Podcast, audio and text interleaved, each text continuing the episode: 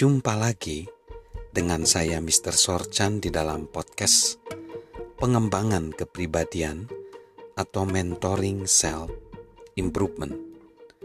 Pada saat ini kita membahas faktor-faktor penghubung dengan orang-orang yang mengejar kebermaknaan. Dan kita tiba di faktor yang keempat, yaitu faktor iman. Impian saya membuat saya merasakan yang tak terlihat, sehingga bisa melakukan hal yang dianggap mustahil. Percaya pada sumber daya Tuhan. Sekali lagi, hal ini adalah membahas di dalam konteks iman dan kepercayaan, tetapi di dalam iman dan kepercayaan, kita punya ketakutan. Hampir semua yang kita inginkan membuat kita takut dan ragu. Bagaimana kita akan menanganinya? Bagaimana kita bisa melampaui ketakutan kita? Dan jawaban bagi semuanya itu adalah tentang iman dan kepercayaan atau keyakinan. Kita harus berusaha menyerahkan segalanya ke dalam tangan Tuhan. Dan biasanya ketika kita menyerahkan semuanya ke dalam tangan Tuhan, kita melihat bantuan Tuhan melalui segala hal.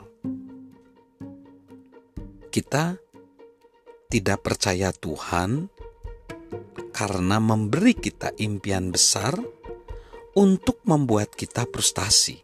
Tidak. Impian yang Tuhan berikan kepada kita supaya kita mampu mewujudkan. Apakah kita ingin tahu bagian yang luar biasa? Ketakutan adalah alasan paling umum kebanyakan orang berhenti sedangkan iman membuat orang memulai. Ketakutan adalah kunci yang menutup pintu menuju sumber daya, sedangkan iman adalah kunci yang membuka pintu itu.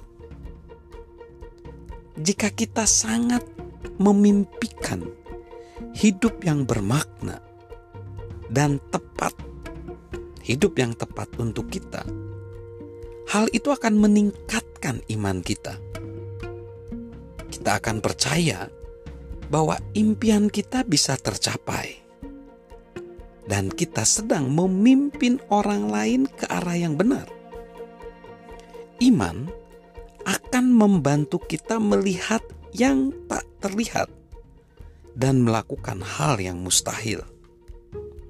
Iman akan membantu melepaskan sumber daya yang kita butuhkan. Meski impian kita mungkin berbeda tiap-tiap orang, tapi saya yakin kita bisa mempercayai sumber daya Tuhan. Faktor iman mendorong kita untuk mulai berjalan dan yakin bahwa sumber daya akan mendekat ketika kita berjalan menuju impian itu. Kita tahu sumber daya itu tidak akan datang jika kita hanya duduk diam. Jika kita berhenti, sumber daya itu juga berhenti. Sumber daya mendatangi kita ketika kita menjalankan misi dan memenuhi panggilan hidup kita. Pelajaran yang paling baik tentang iman adalah kenyangkan iman Anda dan laparkan rasa takut Anda. Untuk melakukannya, berikan lebih banyak energi kepada iman kita dibanding rasa takut kita. Kita tidak bisa mengurangi rasa takut hanya dengan memikirkannya. Ketakutan itu akan berkurang saat kita bertindak menjauhinya. Bagaimana caranya? Dengan bergerak menuju iman. Iman tidak membuat segalanya menjadi mudah, tetapi membuat segalanya mungkin. Mungkin terjadi karena iman menempatkan segalanya, termasuk rasa takut, ke dalam perspektif yang benar. Jadi, jika kita ingin menjadi pemimpin yang lebih kuat untuk belajar, bertumbuh, mencapai impian kita tentang hidup yang bermakna, dan membuat perbedaan, berimanlah. Pertanyaan refleksinya adalah, apakah iman saya lebih besar daripada ketakutan saya? Salam memiliki keyakinan, iman yang kokoh untuk mewujudkan impian kita, dan juga agar kita terhubung dengan orang-orang yang mengejar kebermaknaan. Carilah orang yang mempunyai iman yang kuat juga. Dari saya, Mr. Sorjan.